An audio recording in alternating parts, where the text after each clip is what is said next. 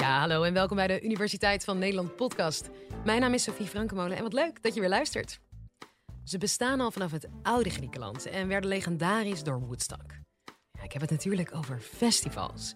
Maar waarom hechten we zoveel waarde aan even ontsnappen uit de samenleving? Met een grote massa muziek luisteren, koude knakworst eten in de blubber.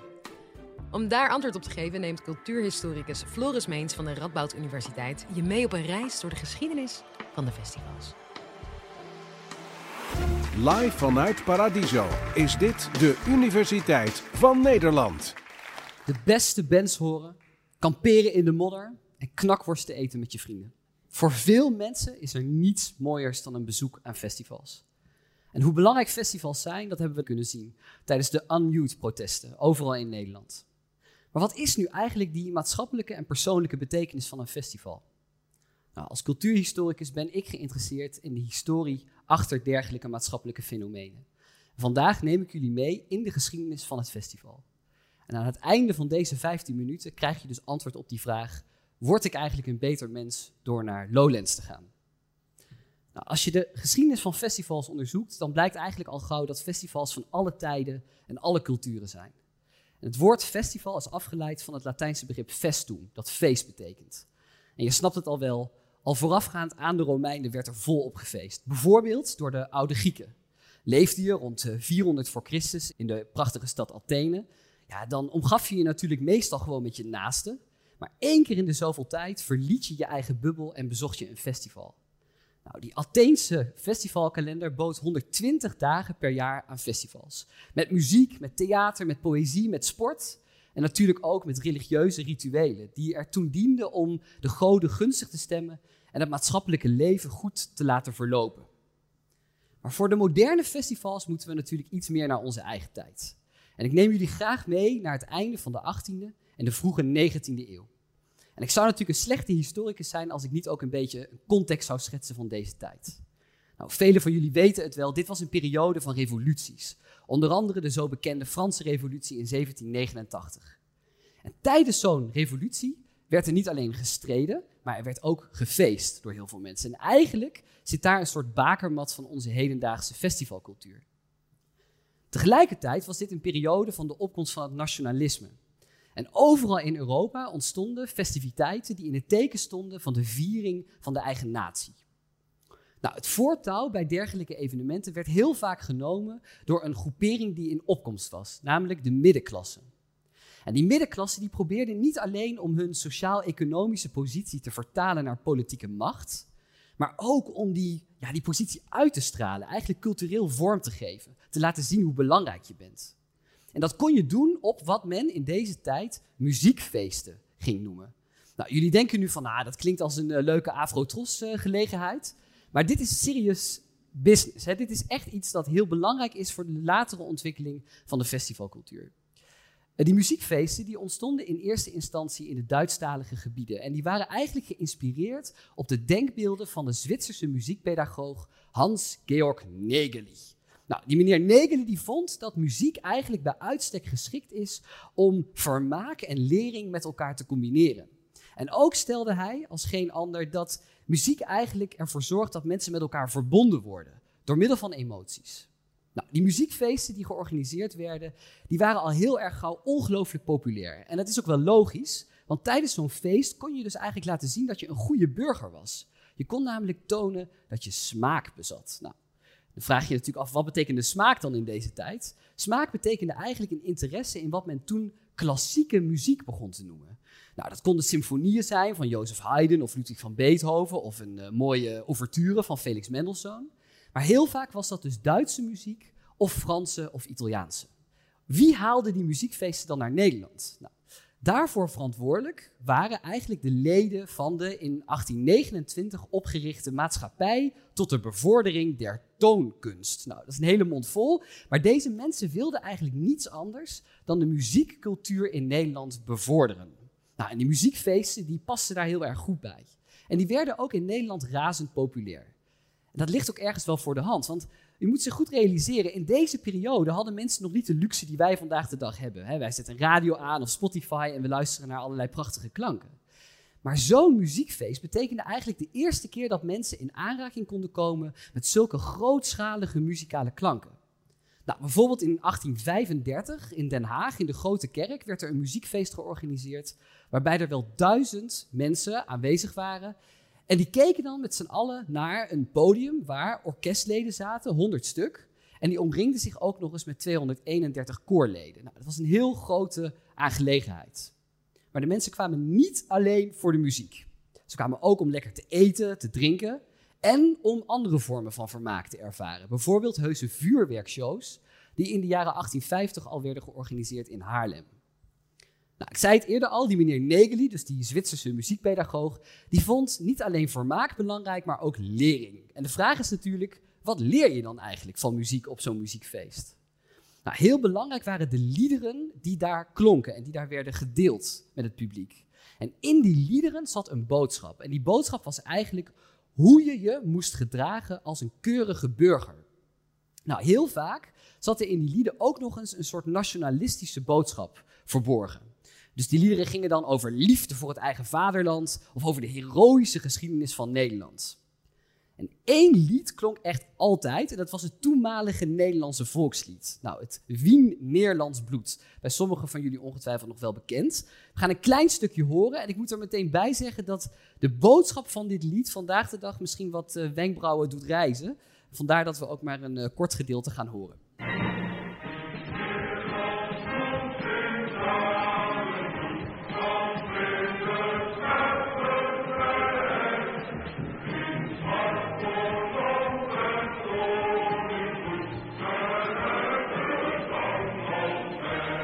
Nou, ik denk dat dat wel ongeveer eh, genoeg is. Dan hebben jullie een idee waar de mensen in de 19e eeuw met z'n allen naar luisterden.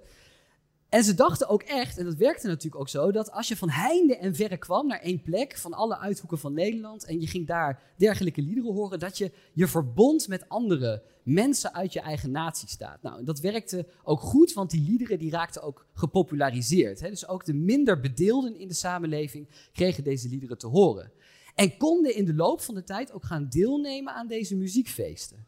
Nou, je ziet dan in de loop van de 19e eeuw dat die organisatoren echt op zoek gaan naar goede plekken. Bijvoorbeeld in de natuur met een hek eromheen en een kassa. Nou, dat betekent eigenlijk al wat we vandaag de dag kennen hè, als, uh, als festivals. Nou, er naartoe gaan was uh, super geliefd. Hè. Mensen deden er alles aan om zo'n kaartje te bemachtigen. En essentieel daarvoor was je, dat je lid moest worden van die maatschappij tot de bevordering der toonkunst. Nou, en de mensen wilden zo graag gaan dat die maatschappij dus echt een enorm uh, aantal leden uh, zag toenemen. Dus die werd heel erg uh, populair ook. Ik zei het net al, die populariteit groeit. Hè? Niet alleen in Nederland, maar bijvoorbeeld ook in Chicago in de loop van de 19e eeuw. En ook in Boston, dus andere steden in de Verenigde Staten. Werden er in deze periode al muziekfeesten georganiseerd met tienduizenden bezoekers. Dus echt ongelooflijk uh, groot.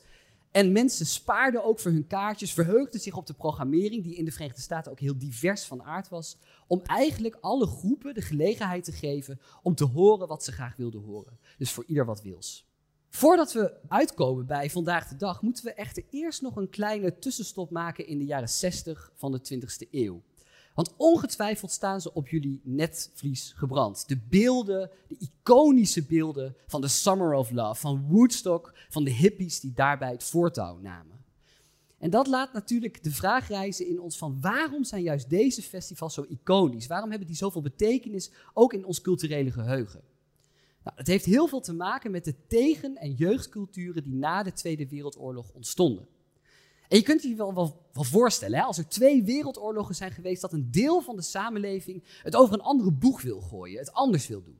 Nou, de generatie van na de oorlog voelde dat heel sterk. Zij wilden zich afzetten tegen de generaties die volgens hen verantwoordelijk waren geweest voor de gruwelijkheden die ze om zich heen zagen. En het was ook nog steeds een tijd van spanningen. Hè? In 1962, de Cuba-crisis, leidde bijna tot een nieuwe wereldoorlog. De Vietnamoorlog die greep om zich heen. Kortom, dit was een nieuwe generatie die zei: tot hier en niet verder, wij gaan het anders doen. Wij gaan voor een wereld die rechtvaardiger is. Geïnspireerd ook onder andere door de Civil Rights Movement in de Verenigde Staten. En festivals waren eigenlijk bij uitstek plekken waar jongeren zich konden verbinden aan ja, gelijkgestemden, mensen met dezelfde idealen. en dat deden ze ook nog eens in een sfeer van vrijheid, een vrije moraal op het gebied van seksualiteit en drugsgebruik. En er klonken ook nog eens liedjes waarin die politieke boodschap eigenlijk verklankt werd. Nou, deze festivalcultuur verspreidde zich gaandeweg ook richting Europa en ook richting Nederland.